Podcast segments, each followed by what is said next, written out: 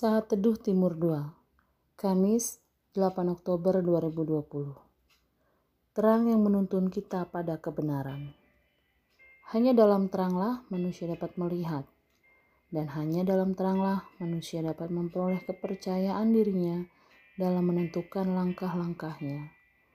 Itu berarti berjalan dalam terang Tuhan akan membuat kita berani melangkahkan kaki. Dalam gelap yang kita lakukan hanyalah meraba-raba. Dalam gelap, yang ada hanyalah keraguan-raguan. Dalam terang Tuhanlah yang menerangi jalan kehidupan kita.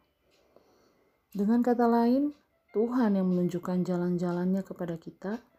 Ketika kita mengambil keputusan, kita mengambilnya berdasarkan terang Tuhan. Itu berarti kita hidup dalam terang Tuhan. Yesus berkata, Akulah jalan dan kebenaran dan hidup.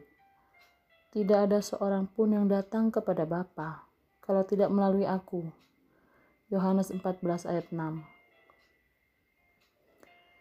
Kita bersyukur dia berkenan menjadi jalan sehingga kita tidak keliru, tidak tersandung maupun tersesat, meskipun ada banyak jalan yang ditawarkan dunia ini.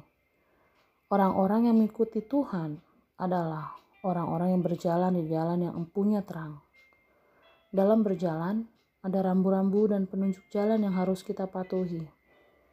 Roma 13 ayat 12 berbunyi, Marilah kita menanggalkan perbuatan-perbuatan kegelapan dan mengenakan perlengkapan senjata terang.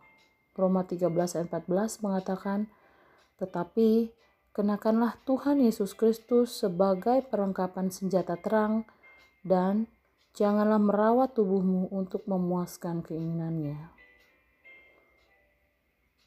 Kita diminta untuk menanggalkan kehidupan yang lama menuju pada kehidupan yang baru, yang di dalamnya Roh Kudus membimbing kita melalui firman Tuhan, sehingga kehidupan kita ini dibawa pada kehidupan yang bermegah.